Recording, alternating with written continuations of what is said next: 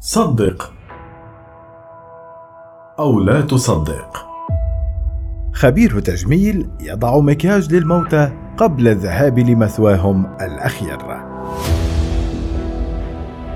هناك الكثير من الأعمال الشاقة التي تكون صعبة بشكل كبير خاصة على الحالة النفسية لدى الفرد الذي يقوم بهذه الأمور.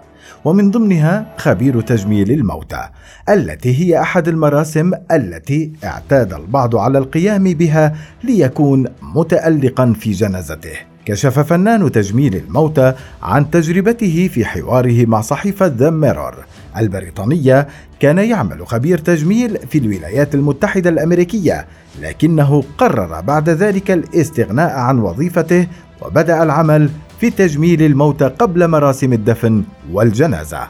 يقول خبير التجميل في حواره مع الصحيفة البريطانية ذا ميرور إنه يشعر بالسعادة والمتعة عند القيام بهذه الأعمال إذ لا يقتصر الأمر فقط على وضع مستحضرات التجميل لكنه أيضا يقوم بقص الشعر وتصفيفه مع الحرص على أن تكون الأظافر بمظهر لائق.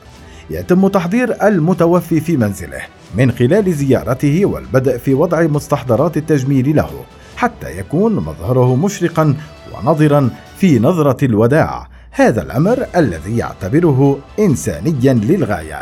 يقول خبير التجميل إنه يقضي أسعد لحظات حياته عندما يرى المتوفي وهو نائم في سلام كما يكون كل تركيزه على أن يجعله أنيقا سواء المرأة أو الرجل. كما أنه يهتم أن يكون مظهر الشعر جيدا حتى عندما يرونه أفراد أسرته يكونوا قادرين على تقبيله والاقتراب منه.